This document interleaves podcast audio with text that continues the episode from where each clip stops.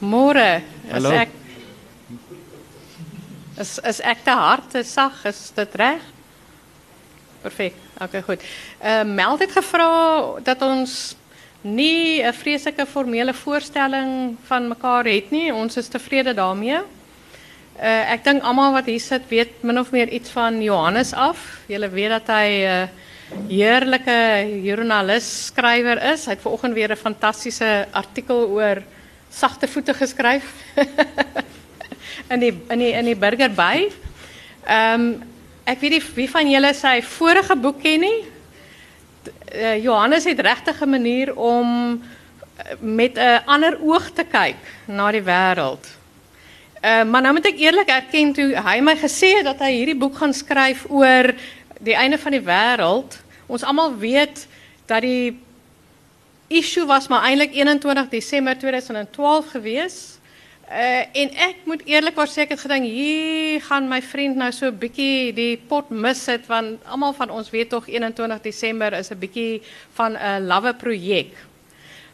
Toe stuur Johannes my hierdie uh, manuskrip so 'n paar maande gelede, so so in die middel van 2012 as ek dit nie reg het. Nou, waar kom die manuskrip op 'n Sondag daar by my aan? Ons is besig om reg te maak vir die braai. Nou julle almal weet die kalvinistiese mans is 'n bietjie verskriklik. My kalvinistiese man wil braai op 'n Sondag en dan wil hy sy vrou se aandag hê. Maar ek weet Johannes sit en wag vir terugvoer, so ek sê toe vir Dirk, hoorie, gee my net 'n kans. Ek wil net die eerste, ek wil amper net die inleiding lees. Ek wil net vir Johannes sê, hoorie, ek het begin dit lyk belovend want ons weet ook mos nou 'n skrywer se boek, 'n manuskrip artikel is bietjie soos daardie verrimpelde pasgebore babatjie. Niemand moet dink dat hy nie 'n uh, pragtwerk hierso in die wêreld ingebring het nie. So uh, mense is maar versigtig met die egos en so aan. Nou, ek begin toe die boek te lees. Ek sê vir Dirk net so rukkie En ek weet toe hierso na ek al 'n hele ent in is en my man begin rondtrippel. Ek is nou in die moeilikheid. Ek kan nie hierdie boek neersit nie. Ek sê vir hoorie so, wil jy kyk, wil jy nie net die ding op jou rekenaar ook aflaai en net vir my kyk wat jy daarvan dink het. Ons daarom nou net 'n objektiewe opinie vir Johannes kan terugstuur. Nou die lank en die kort is daai middag 6uur toe bou hy nou maar weer 'n vuur. En ons het daai boek gelees so om daai vuurtjie en om die choppies wat verbrand het tot die boek klaar was. Ons kon eenvoudig net hierdie boek neersit. Dit was net vir my meesleurend geweest. Uh ek het by myself gedink dit is dalk maar net omdat Johannes 'n baie goeie vriend is. Maar toe ek my 13-jarige niggie sien wat by die boek sit en die boekie kan neersit, het, weet ek nou kan ek vir Johannes sê ek dink jy het regtig 'n wenner hier. Maar dit is 'n opwindende boek, is 'n lekker leesboek. Enige een van julle wat dit gelees het, sal dit weet, maar julle sal ook weet dat daar 'n besonderse deernis en 'n diepte in die boek na vore kom. So ek gaan nou vir jou vra Johannes, toe jy begin skryf het, toe jy begin navors het vir uh, jou storie, uh of jy gee die indruk in jou boek dat jy baie vinnig besef het dat die 21 Desember 2012 stories maar so bietjie laf is. Maar mens kry tog die gevoel dat jy baie gou ingesleep is in wat ek wil amper noem die werklikheid van 'n einde. Ja. Ehm um, kyk die ehm um, die interessante ding met 21 Desember is dit dis ook nou nie die eerste valse alarm gewees nie, nê, nee, soos ons ja. almal weet. Ek meen daar so solank as daar mense is, is daar al soortgelyke pogings gewees om te voorspel dat die einde baie naby is en selfs 'n datum aan dit te koppel. Ek het ek weet nie of enigiemand hier al die boek gelees het nie, maar daar's so 'n hoofstuk of twee wat ek afgestaan het om nogals deur die geskiedenis te gaan, selfs nie net die die die Maya voorspellings van ja. einde laas jaar nie, maar te luister hoeveel keer daar al wolf geskree is, verkeerdelik, die oudste ene wat geskrewe een wat ons van weet kom uit die jaar 2800 voor Christus. Net dis 'n goeie 5000 jaar terug het iemand in antieke Mesopotamië wat nou vandag Irak is in spykerskrif in wigskrif het hulle op 'n stukkie um, op 'n kliptablet uitgespyker die woorde die aarde is moeg en haas om na sy einde.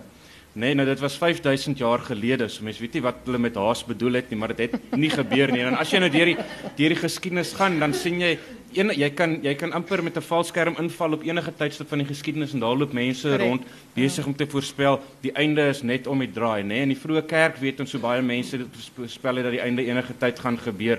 Reg deur die middeleeue, al daai ou prentjies wat ons het van mense wat hulle self met swepe geslaan het omdat hulle geweet het hulle moet regmaak vir die einde en dan hier in die 1800s tel dit vreeslik op en begin na georganiseerde bewegings rondom dit te begin, né, sektes en goeters die baie bewegings soos die Sewende Dag Adventiste en die Mormone en so aan het begin rondom mense wat 'n spesifieke en 'n baie nabye eindtyd verwagting gehad het.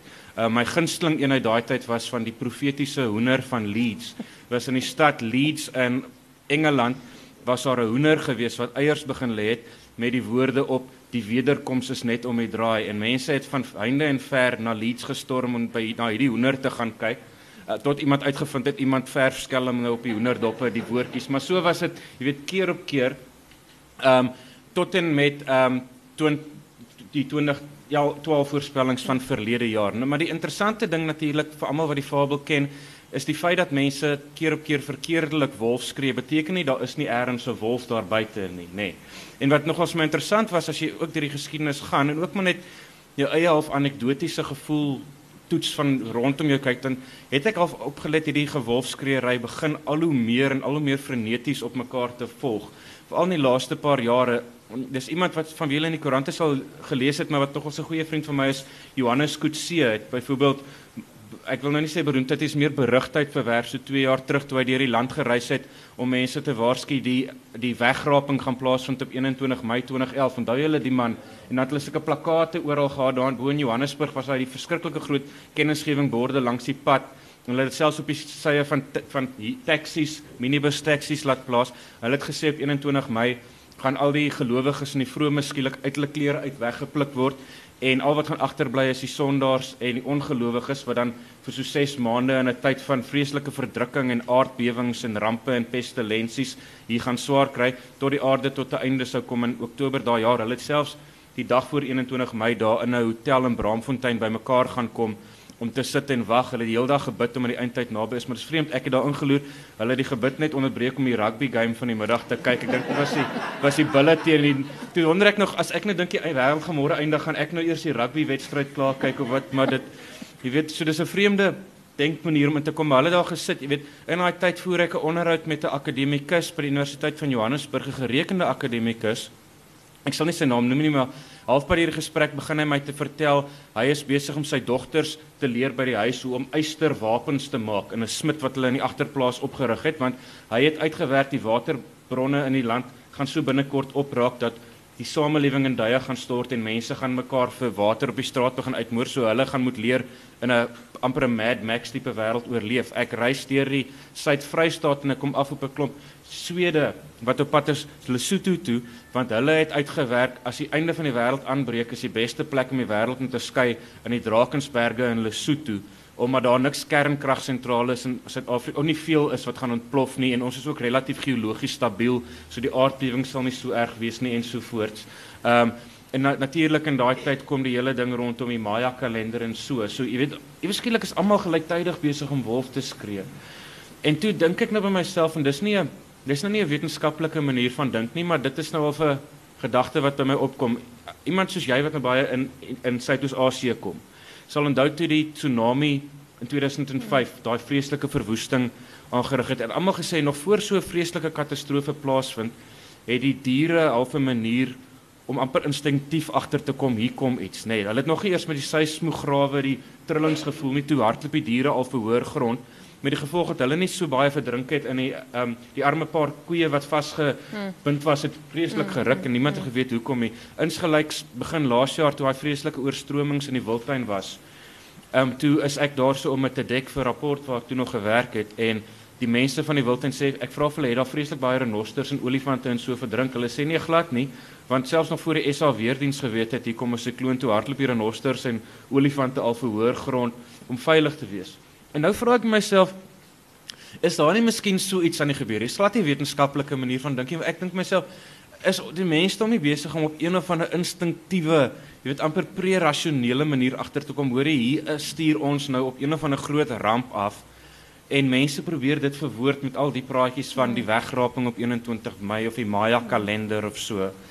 En dis ook om dan by jou vrae te kom. Skus ek loop nou met so draai, maar toe ehm um, toe het ek nou twee goed gedoen wat toe nou uiteindelik die boek geword het. Ek het eerstens het ek een van die mense gaan opsoek wat besig is om hom spesifiek voor te berei van die einde van die wêreld. Dis 'n man wat vir hom 'n grot ingerig het daar in 'n berg in die Oos-Kaap wat hy al besig is om vol blikkies kos en slaapsakke en goed te pak want hy sê as die samelewing in duie stort en mense mekaar vir die laaste bietjie boelie beef uitmoor in die strate, gaan hy rustig in sy grot sit, lankal voorberei en hy kou spekboomblare en hy gaan veilig wees.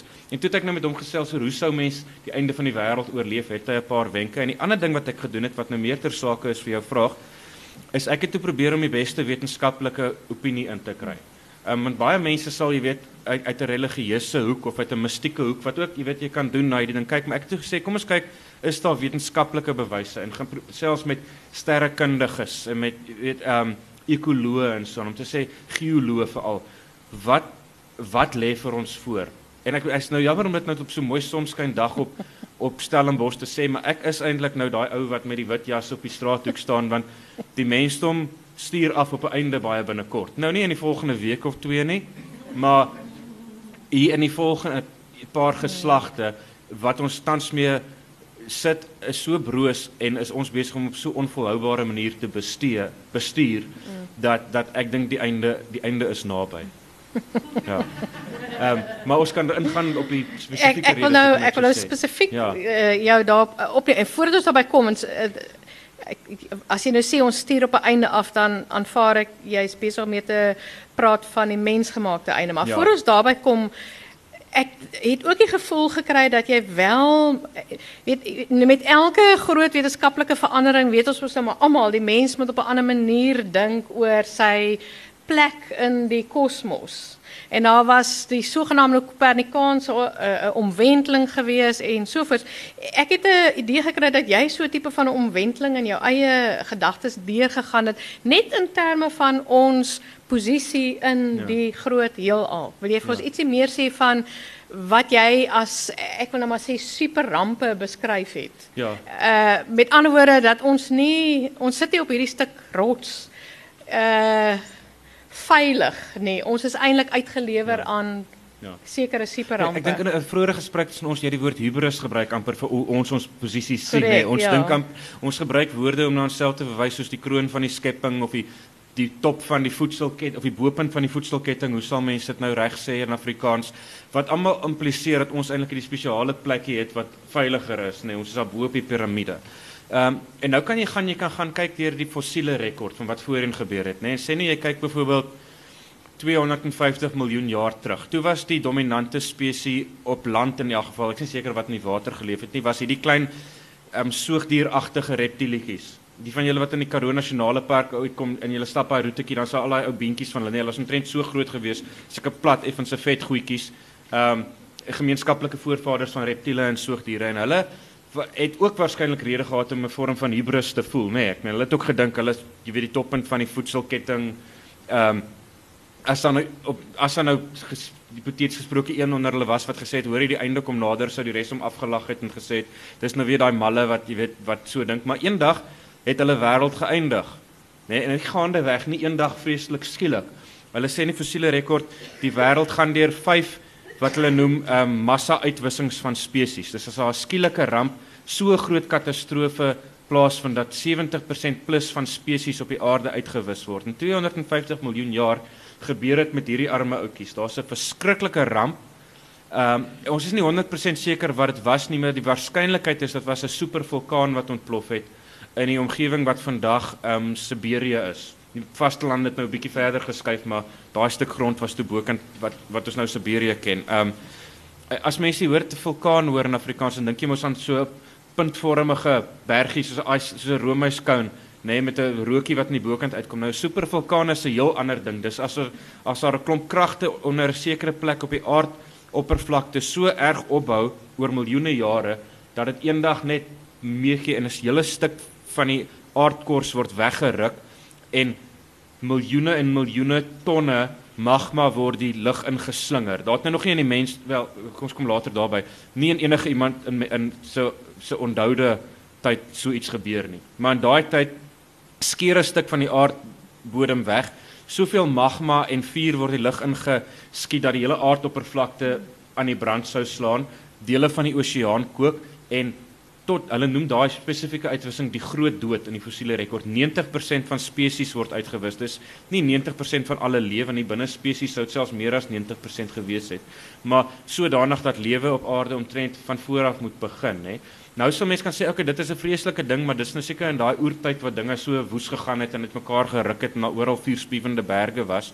Maar dan kyk jy 'n bietjie nader in die geskiedenis, nê. Ons sit op 'n paar supervulkane wat eintlik een van 'n tyd moet uitbreek. Daar's een bekende een is onder Yellowstone in die VSA, daar in die weste van die VSA. Hy bars so elke ek hoop nie ek het my syfer nou verkeerd nie, maar so elke 60 miljoen jaar of so bars hy uit.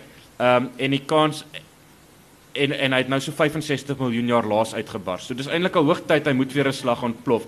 Daar's ook van hulle onder plekke soos Japan en Nieu-Seeland waar jy al gereeld, gereeld aardbewings kry wat al tekens is dat hy die goeie slymer, nê, nee, slymerend aan die gang kom. Maar selfs as jy dit 'n bietjie verder teruggaan, nê, as jy dink dit kan nie met mense gebeur nie en jy kyk was dit 70000 jaar gelede, nê. Ontplof daar 'n effens kleiner supervulkaan onder die eiland van Sumatra in Indonesië in Suidoos-Asië. Sy naam is Toba, die vulkaan. Ek weet nie of iemand al daarvan gehoor het, T O B A. Hierdie ontploffing in Indonesië is so sleg dat jy dit in Suid-Afrika sou gehoor het. So hoog is die klank. Nee, en dit slinger soveel klip op soos twee keer die berg Everest se grootte dat die hele China en Indië van destyds was onder 15 cm as bedek en die weens al die roet en goed wat dit in die bokant van die atmosfeer opskop en wat daardeur die winde reg om die aarde versprei word word die hele klimaat van die aarde gewysig en die, die gemiddelde temperatuur van die wêreld sê hulle daal met so tussen 10 en 15 grade Celsius die daaropvolgende jaar met die gevolg dat die mensdom wat toe nog almal hier in suidelike Afrika gewoon het, se getalle afneem tot hulle sê tussen 5 en 2000 mense op aarde. Wat 'n verstommende klein getalletjie is, dis die naaste wat die mense nog mensdom nog gekom het aan uitwissing. En die interessante ding is toe hulle nou begin om die menslike genoom te karteer, werk hulle uit deur net ons gene jy weet ons ons gene genealogie te te herkonstrueer dat erns omtrent 70000 jaar terug was daar hierdie bottleneck in die mensdom toe ons syfers gekrimp het tot 25000 omtrent en dit moes weens Toba gewees het.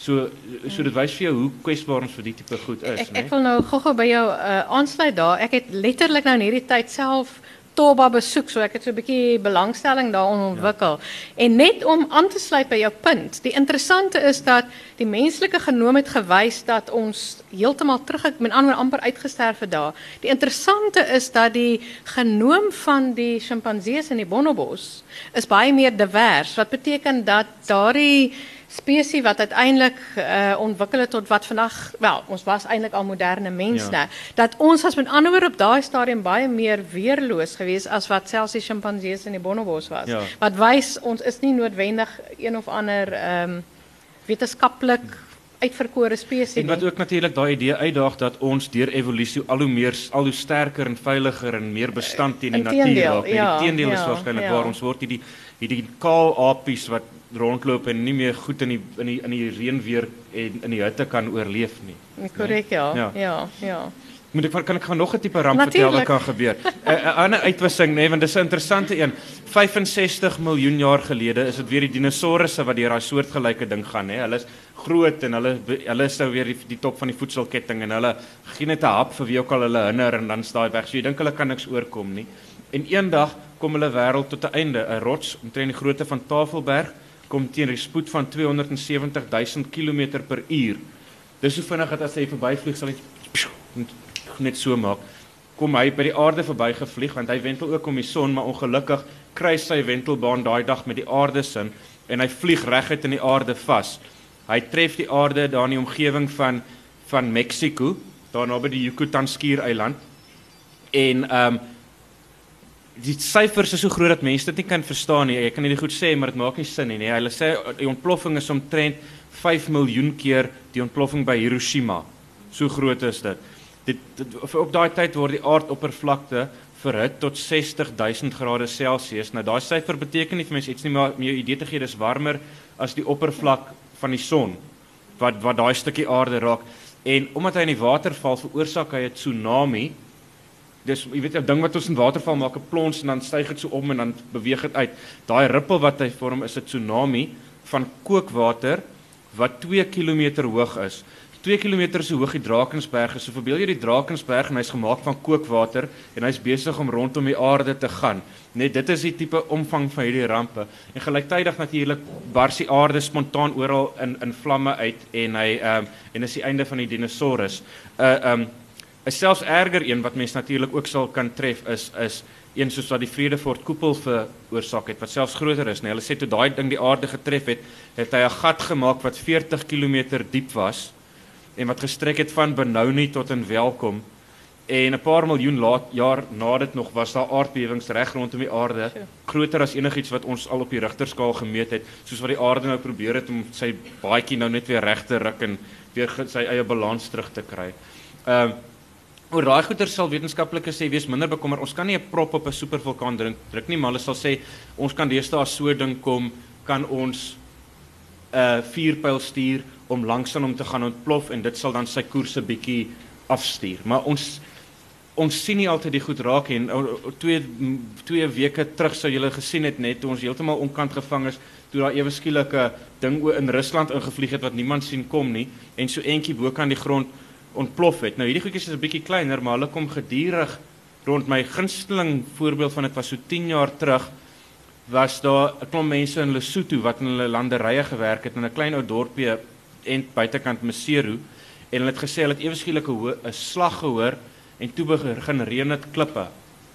Dit was so ver dat die wetenskaplikes dit eers maande later uitgevind het en hulle uitgevind het was al die mense van die dorpie het na die polisie toe gegaan om hulle bure te gaan aankla en te sê hulle die bure het 'n goelgees op hulle gesit. Jy like mos goelgees dat daai goed wat so klippe op jou dak gooi. Hulle met 'n poltergees. Hulle het gedink dis dit. Maar wat dit moes gewees het was 'n 'n rots wat ontplof het omtrent 40 km op in die lug en die klippietjies het geval en toe sak die wêreld se geoloë nou daarso neer om hierdie klippietjies te gaan vind wat daai hele wêreld vol lê en dis 'n ruimterots. So die goed kom natuurlik die die die hele tyd verby en daar's 'n wonderlike stuk sagte ware wat die Universiteit van Arizona gemaak het. Wat sal gebeur Jy kan nou uitwerk as 'n rots die aarde vandag weer tref. En tik jy nou in die plek waar jy is, die plek waar die rots val en hoe groot die rots is, nou sê vir jou wat gaan gebeur. So gestel nou jy sit hier in Stellenbosch en 'n rots so groot soos die een wat die dinosourusse doodgemaak het val in Pretoria. Dan gaan dit dit sal eintlik die ideale manier wees want jy gaan nie pyn hê nie. Dit gaan net soos 'n helder lig wees. Daai ding gaan so vinnig kom en die vlam net net jy weet, dis net oor. Maar sê nou die ding is die helfte daai grootte, dan word dit nou interessanter. Ehm um, dan sal hy val en die eerste ding wat sal gebeur is dit sal 'n verblindende lig wees, maar dan wat sal gebeur? Weet nie van julle die video's gesien het van daai rots wat nou ontplof het in Rusland nie, maar dit is mos baie interessant. Die rots kom en dan staan die mense en is doodskil en skielik kan bars die vensters oral rondom hulle. Nou wat daai ding is, soos die ding kom en hy oor die spoedgrens gaan stuur hy wat hulle in Engels noem 'n sonic boom. Wat sal mooi Afrikaans daarvoor wees? 'n Klank klank barste golf of 'n ding nê uit uit. So daai ding sal eers aankom. So eers sal al die glas en die bene in jou lyf versplinter ewe skielik. Dit is so pa wees. En dan kort na dit sal die aardbewings begin uitrippel. So jy sal letterlik soos 'n soos 'n vloei wat sit 'n vloei wat sit op 'n laken wat jy besig is om uit te skud, sal jy en die Erfurt huis en jy weet die taalmonument alles in die lug geslinger word en afkom. En dan na dit kom maar 'n muur van vuur uit. En dis dan ja, dit is baie vrolike goed om op 'n op 'n Saterdagoggend te beskou, maar dis baie interessante goed ook, nê, nee, wat hierdie goed ja. sal doen. Dis net dit gee vir jou 'n jy lees dit en skielik kan gee vir jou geweldig besef van ons enorme weerloosheid. Ek het onthou die een aand wat die penny by my gedrop het toe ek besig was met dit. Ek het deur die straat in Bloemfontein geloop. En ek het om my gekyk en skielik het ek net gedink al hierdie wolkekrabbers en goed wat jy rondom sien, hoe verskriklik hoe verskriklik broos dit lyk. Want daar kan net 'n golf kom en net so so wegvee. En ons besef dit nie. Ek meen jy het eendag 'n artikel in The Cut geskryf oor die einde van die wêreld, nê? En jy het afgesluit met hierdie vreeslike roerende noot van ons wat sit op hierdie klip en hierdie klip val letterlik deur die ruimte. Hy vlieg nie en hy sweef nie. Ons is op 'n klip wat net val en ons is hierdie dun dun laagie rondom hierdie klip, nê? Ons ons atmosfeer ons asemkanale so dun as die aarde so groot is en hoe geweldig uitgelewer ons is, nê? Nee, die besef van genade wat jy eintlik kry as jy as jy daaroor dink. Ek uh, Met ander woorde, die eintlik sê is op die ou einde kan 'n mens 'n besef van jou eindigheid. Ja. Hoef nie noodwendig droewig te wees nie. Dit kan mens amper eerder laat besef hoe kosbaar die Ja. lewe is. Ja. Ja. Want mense kom op 'n sekere sin wat jy dan ook besef van iets van die sterflikheid van nie net van jouself nie, maar van jou spesies. Nee, en ek dink dit is vir baie mense 'n moeilike ding. Dit is selfs 'n moeiliker ding as om ons individuele sterflikheid om om jou vrede te maak. Jy weet, ons dink dit sal met ons anders wees as met al die ander wat voor ons op die aarde gelewe het, nê. Ehm en jy kry wetenskaplikes wat so sal praat. Jocelyn Bell, die ehm um, ehm um, sy is vir die Nobelprys vir fisika genomineer en sy het ehm um, jy weet sy het 'n 2 jaar terug hier op Stellenbosch 'n lesing kon lewer. Sy is van Oxford. Ehm um, en sy is een van daai optimiste wat sê ons sal enige rots kan afskiet, ons sal enige ding kan uithaal. Jy weet, die interessante sien jy kyk na 'n mens wat nie wat nie dink hy kan doodgaan nie. 'n Mens wat dink hy is nie sterflik nie. Eh, Dink 'n bietjie hoe bestuur so 'n mens, nê? En hoe hoe jy weet hoe maklik so 'n mens sal rook of net ongesond so iemand sal eet. En in 'n sekere sin eh, trap ons baie keer in dieselfde gat as ons as 'n spesies dink ons is nie sterflik nie, nê? En begin ons op maniere op te tree wat selfs daai daai einde kan verhaas. Dis die ironie, nê? As jy dink jy kan nie tot einde kom, jy kan jy einde verhaas. Interessante manier wat selfs eintlik 'n nadere bedreiging is as supervulkane en groot rotse. Jy weet, ek het nou vroeër genoem, daar sal 5 massa uitwissings van spesies gewees. Die een was die een wat die dinosourusse uitgehaal het, dan een 2250 miljoen jaar terug. En wetenskaplikes sal sê ons is op die oomblik in die middel van die 6ste groot uitwissing van spesies. Nee, spesies op aarde sterf uit teen 'n vinniger koers as enige tyd sedert die einde van die dinosourus. Na, vol, na na sommige ramings twee spesies elke uur. Dis nou plant en dier spesies op die aarde. Hulle sê die ehm um, die ehm um, aantal diere op aarde het sedert 1970 met 30% afgeneem. Beteken ons 30% daar's 'n derde minder diere op aarde en dis nou nie jy weet die die groen die groen marges wat so sê nie, dit is uit verslae van die VN en die die WW die ehm um, WWW en die mense is dit WWW nie? Ja, ja. Ehm um, wat wat in soveel woorde sê ons is in die 6ste massa uitwissing van spesies. Ehm um, en daai is die ding wat jou regtig bang kan maak want mense dink weet dat dit 'n model is dat waar volgens ons jy weet gaande weg die een spesies na die ander gaan uitwis tot daar nie meer spesies is nie, maar ons sal wel dra kan sien as dit nou regtig kritiek raak mm. en dan stop. Die die hoe dit eintlik eerder sal werk is ons sal spesies uithaal spesies tot ons eendag een kritiese spesies uithaal. En as jy daai kritiese spesies uithaal dan stort die voedselketting in duie en dan het jy 'n 'n ding aan die gang gesit wat jy nie meer kan keer nie. 'n Voorbeeld van 'n kritiese spesies sal iets soos bye wees, nê?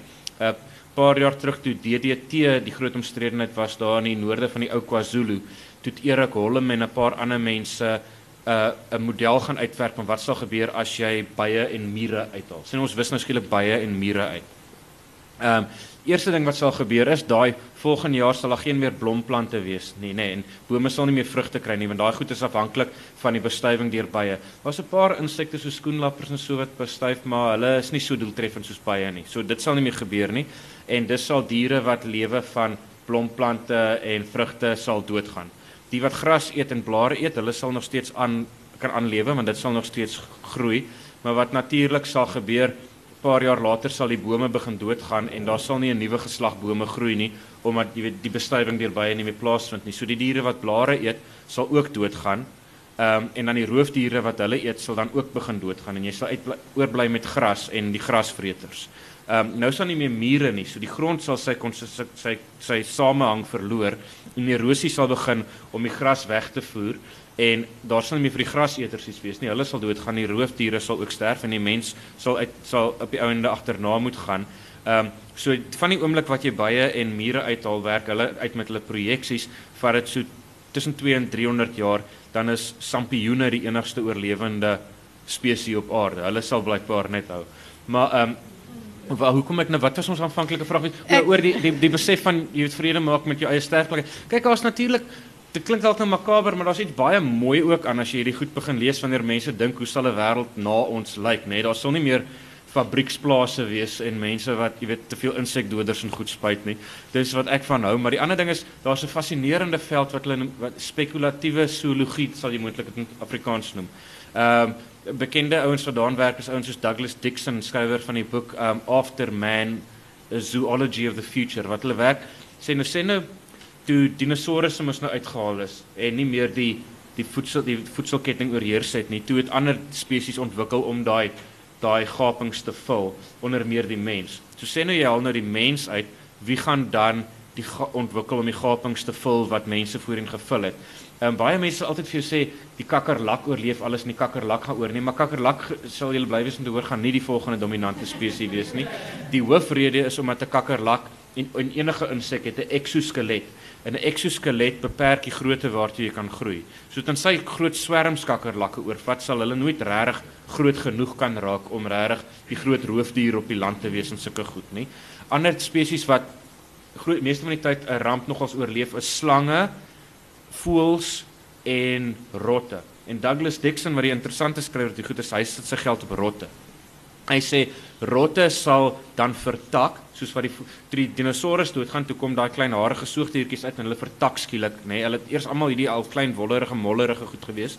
Toe vertak hulle toe word hulle die primate en die ehm uh, antilope en sulke goed. Nou rotte sal begin vertak. So dan dan skets hy hierdie hoofstukke oor watse soort rotte jy sal kry. Jy sal 'n rot kry wat op die grasvelde van Afrika sal die dominante roofdier word. 'n Groot rot wat so vinnig soos 'n jagluiperd kan hardloop en lang kloue sal hê. Kan jy dit indink? En hy sê daar sal 'n rot in die vars water moet ontwikkel wat so groot soos 'n seekoei is wat daar so sal hang en al die visse sal vreet. En so jy weet, hy het die pragtige tipe. Hy gee hulle ook so miskien 'n naam met die moddervreter en die en en, en sulke goed. Ehm um, maar maar die interessante ding wat hulle wat hulle probeer sê daardeur is jy weet elke einde impliseer uiteindelik 'n nuwe begin. Jy weet en dat sterflikheid geboorte meebring in sy gevolg. So elke massa uitwissing is 'n sekere manier die aarde se se manier om om skoon te maak En ons praat dus van die einde van die wêreld, maar in sekere sin is dit die begin van die wêreld om om skoon te maak vir die nuwe een om te kom. Is baie moeilik vir ons om die skoonheid in dit in te sien want dit raak ons posisie spesifiek, jy weet, en jy dit vra dat jy eintlik van buite ons spesies moet kyk in die groter belang van van die aarde en van van die siklus van lewe. Maar as jy dit sou regkry, dan dan sou die prentjie nie heeltemal so droewig gelyk het nie. Ek ek gaan nou dit verder aanval. Ek wil eers vir julle vra, is dit nie vir julle redelike ehm ek wil sê mens voel 'n bietjie op jou plek gesit as jy besef dat jy nie een van die uh kritieke spesies is wat die ja. stelsel hier aan die gang hou nie. Inteendeel. Ja. Ehm um, Ja, ek is Frans wat die rand van van van uh jy sê hy's 'n wat sal mense dit noem? In elk geval 'n bioloog tipe ding van daarbo. Ehm um, hy sê en hy werk met menslike evolusie. Hy sê ons dink altyd spesies ontwikkel in hulle eie belang, nê, nee? maar spesies ontwikkel nie ekosisteme ontwikkel en elke spesies ontwikkel om 'n sekere plekkie in daai ekosisteem te vul sodat hulle almal kan saamhang en die mens ontwikkel in die ekosisteem van Oos-Afrika as 'n voedselbron vir groot katte. So ons ontstaan nie om die boepunt van die voedselketting te wees nie, ons ontstaan sodat die groot katte van Oos-Afrika iets kan hê om te eet. Ehm um, en die groot probleem kom wanneer ons in ons eie belang begin optree en die groot kat dood moker voordat hy jou kan opeet En nou skielik ruk ons nou is daar 'n wanbalans want jy weet ons vervul nou nie meer ons rol in die ekosisteem nie. En daar die eerste dag toe 'n oermens met 'n knippel 'n cheetah geslat het voordat hy hom kon kou, was die begin van ons ekologiese krisis vandag.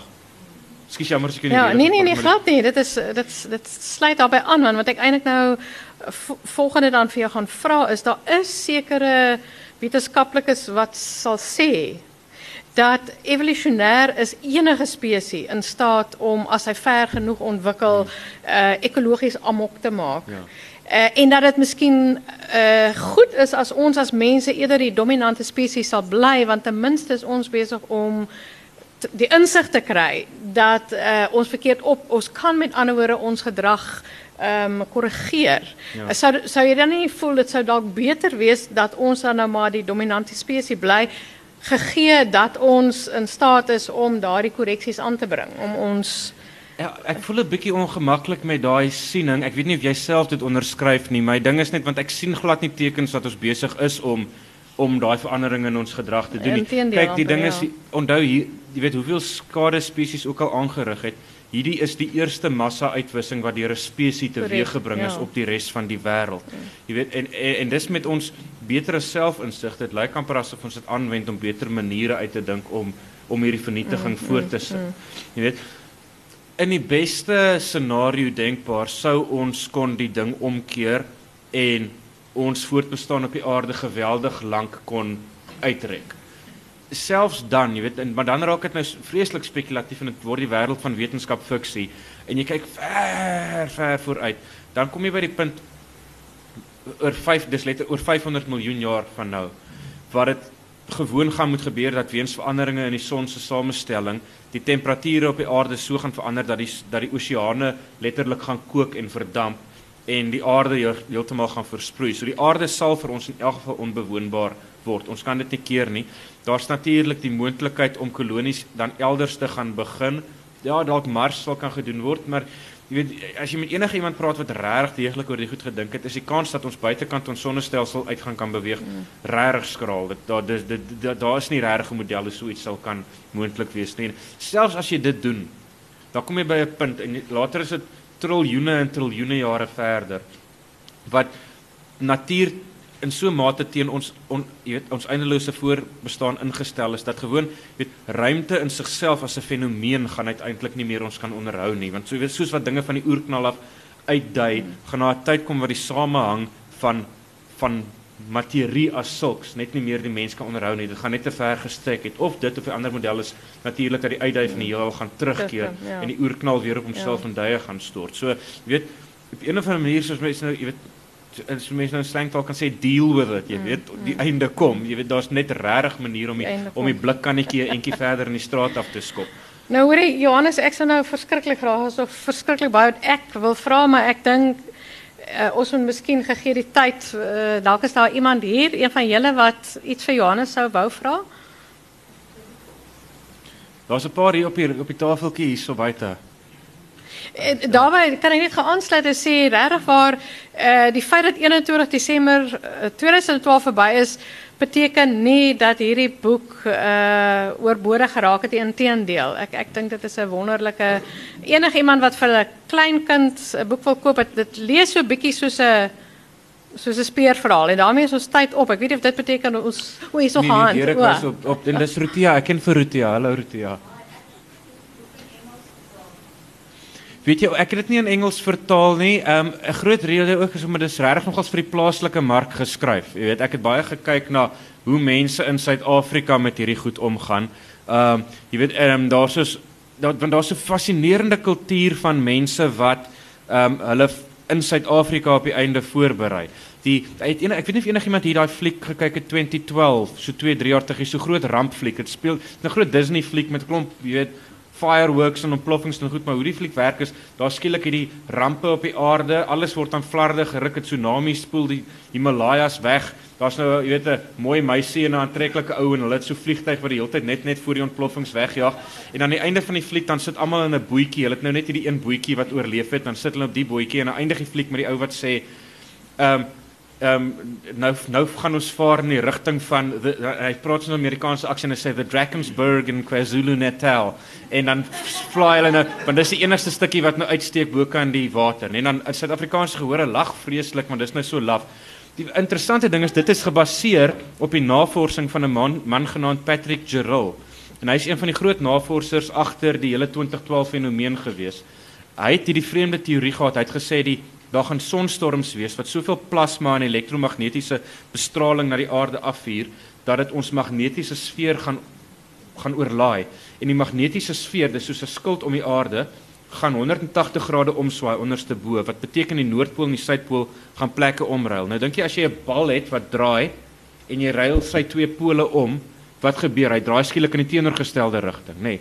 so die aarde gaan ewe skielik net daar soos in die dag van van Joshua vassteek in sy spore en dadelik begin om in die teenoorgestelde rigting te draai.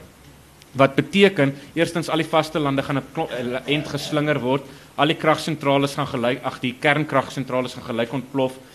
Jy weet aardbewings oral en hy het gesê omdat die momentum die water op die aarde nog steeds in een rigting laat draai teen 1800 km/h wat die aarde gedraai het, nou draai ons 1000 km/800 terug, gaan die aarde gaan daar dus 'n tsunami opstaan van 2 km wat teen 3600 km dubbel die spoed van die aarde om die aarde gaan draai. En dit klink nou vreemd maar duisende mense glo die ou. En die interessante ding is hy het toe bereken die beste plek om dan te wees is in of Lesotho of Clarence ergens op die Drakensberge. Hoekom? Want hier's nie soveel kernkragsentrales wat kan ontplof nie. Geologies is ons redelik stabiel. Jy hoor nooit van enorme groot aardbewings nie. En ook dit is net net hoog genoeg daar dat hierdie 2 km tsunami jou nie gaan wegspoel nie. En dis het hulle en dis die ouens wat ek in die Suid-Vrystaat, jy weet, van gehoor het. Hulle hulle het begin om sulke sendinge te stuur om eiendom te koop of by Clarence of in die in die in die um in in Lesotho. Ja, ja. Lady Grey en sulke ja. plekke. So dis hierdie tipe goed in Suid-Afrika. Daar's byvoorbeeld ook in um in in in die op die Wesrand. Dis 'n vreemde kultuur. Ek het feeste gesukkel om by hulle uit te kom want hulle is baie geheimsinnig van mense en hulle behoort meestal aan 'n religieuse beweging genaamd die Ramta skool van ontwaking. En hulle is ryk mense wat vir hulle bomskuilings bou op die Wesrand. Dit kos 3-4 miljoen rand om 'n bomskuiling te bou. Maar as 'n hele paar, een is 'n tandarts, die ander een is 'n sakeman wat nou bomskuilings het vol kos sodat as daar, jy weet, Pelindaba ontplof en daar soos 'n ramp, dan kan hulle daar gaan wegkruip. Onthou julle daai twee Fransis wat hier in Sutherland op 'n plaas, jy weet hulle daar wapens gaan het. Hulle het uit daai kringe uitgekom. Hulle het besluit hulle kom kruip in Sutherland weg. En dis hoekom hulle die goed opgegaar het en hulle het gewag vir die einde. So ek het spesifiek nog as vir die Afrikaanse mark gegaan om te kyk, jy weet, hoe leef jy in Suid-Afrika en so. Jy kan sou kom vertaal vir die Suid-Afrikaanse Engelse mark ook, maar hy sou nie heeltemal vir 'n breër internasionale mark regtig gewerk het. Net natuurlik 'n groot deel van die boek was, jy weet, nie net die einde van die wêreld maar hoe om dit te oorleef. Wat doen jy nou as die ramp kom, jy weet? En daar's nogals interessante goed wat jy kan doen as jy in Suid-Afrika in die veld gaan stig, gaan gaan jouself gestrand voel net een of twee plante te ken, jy weet. Iets soos spekboom byvoorbeeld is 'n wonderlike ehm um, middel as jy weet hoe 'n spekboom lyk, daar's nou 'n paar in die JS Maree Park geplant as jy wil gaan kyk hoe hulle lyk. Ehm um, as jy net rys of iets het om te eet en jy kry nie genoeg voedingswaarde nie, soek 'n spekboom en kou 'n paar blare elke dag, dan kry jy jou Vitamiin C en jou kalsium en 'n vreeslike klomp ander goeters wat jy alternatief nodig het. So Ja. Ja, ja, weet jy mense sal daaraan kan dink. Ja. Ons lyk vir my ons het 'n bietjie by die boek bygepraat. Nou hier in jy 'n bietjie geraak aan die inhoud. Wat is dit uh, is dit 'n fiksieboek, is dit 'n nie fiksieboek? Wat wat is so 'n boek? Nee, dis 'n nie fiksieboek. Dis nou maar 'n vertellingkie van my hoe ek nou al hierdie mense gaan opsoek het en gaan vir hulle vra het hoe gaan die wêreld eindig en watter bewyse is daar. So ek het hulle nou maar gaan opsoek, jy weet, daar sal 'n party mense sal die teorie hê dat ruimtewesens gaan die aarde kan die aarde dalk eendag inval. So daar's 'n man met 'n vreemde vleiende voorwerp navorsingsstasie in Smithfield in die Vrystaat. So ek het by hom gaan kuier, gevra hoe is daar lewe in die buiteste ruimte? Is daar bewyse daarvoor? En toe net maar het vertel wat sy sienings is en hoe mens hy sê 'n mens daarmee sal kan omgaan of jy weet met insekkundiges gaan praat oor wat sal gebeur as die voedselketting en duie stort en hulle antwoorde weer gegee. Ja, ons alles is natuurlik baie baie spekulatief. Ja. Mm. As jy kyk hoe vol die wêreld nou word, kyk jy op Stellenbosch, ek weet hier is 'n Ja. 'n geweldige verkeersprobleem op Stellenbosch. Ja. staan. Ja. En dit is nie net hier nie, is oor die hele wêreld is daar as te veel mense. So een of ander tyd moet iets gebeur wat Ja. alles gaan limit maak. Dit begin al onvermydelik lyk, nê. Nee. Lyk onvermydelik. Ja. Is daar's nog aan Ja. Um, Johannes, um, my vraag kom op uit die eerste sin van jou brief vanoggend wat sê 'n ruk gelede sit ek op 'n troue langs 'n evolusionêre bioloog. Ja. Nou, ek ken geen evolusionêre bioloog nie. Waar kom jy aan hierdie mense en Nee, hulle is oral op die wêreld. Hulle is ehm um, jy kry hulle oral. Baie van hulle sit by universiteite. Ehm um, en van hulle sit op vreemde plekke. Soos ek sê, jy weet daai ou op Smithfield, hy's die voorste navorser oor vreemde vleiende voorwerpe en jy sal dink hy's 'n malletjie want hy het 'n plaasstal en dan het hy in die tuin van die plaasstal het hy die enorme skottels waarmee hy nas hy gebruik NASA se sagter ware om syne uit die hemel op te vang. Maar dan gesels jy met die man, dan vind jy hy het 'n ongelooflike kennis, jy weet. Net omdat hierdie mense vreemd is, beteken nie hulle is dom nie. Hulle is, jy weet, hulle is van die slimste mense. Hierdie man wat ek by gaan kuier het in die grot in in in die berge in die Oos-Kaap. Uh, nou hoe ek aan hom gekom het, ek mag nie vir jou dit sê nie want hy het gesê ek moet sy identiteit geheim hou want hy's natuurlik bang ander mense gaan steel sy blikkies kos as hy as hulle weet waar hy wegkruip. Maar ehm um, jy weet dan gesels jy met die man dan vind jy uit maar hy's jy weet hy het hierdie hy's hy het hierdie enorme kennis hoe hy wetenskaplik uitgewerk het watter gereedskap hy gaan nodig hê.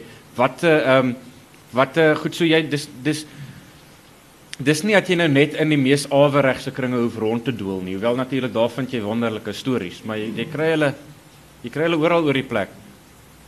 Johannes, ek wil graag vir jou vra, jy het gesê jy sien geen teken van 'n ommekeer in hierdie aarde op die einde af. Ja. Ja.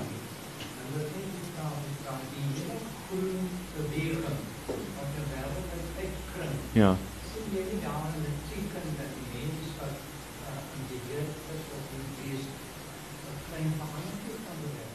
Mense sal hoop nee, mense sal duim vashou. Die, vraag is natuurlik hoe wyd kring hierdie ding uit, nê? Nee, en hoe wyd is die impak van die groen beweging in byvoorbeeld sê net maar China. Ek nie dalk mense wat China beter ken, maar waar daar miljoene en miljoene mense is, nê? Nee, die die dis dis die die populêre impak van dit en die die wydheid van dit. Ek is 'n bietjie skepties. Ek dink ons maak 'n paar kosmetiese verstellingkies. Ons ry 'n klein bietjie minder en dink dit maak 'n verskil in ons koolstofvoetspoor, maar ek dink die veranderinge wat op die stadium nodig is is so ingrypend. Ek het nou nie daai syfers nie, maar my verstaan is dat selfs as ons weet nou al ons ons koolstof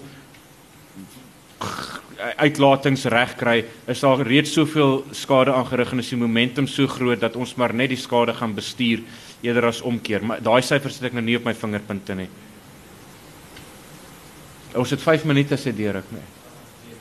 Is dit tyd om? Ons tyd om. Hoe okay, moet kan Ja, ons 'n laaste vraag vra of is ons Een baie kort laaste vraag. Daar's ons Dis miskien Dominikus, uh, as ek net wil kom, sal steen en daar wees.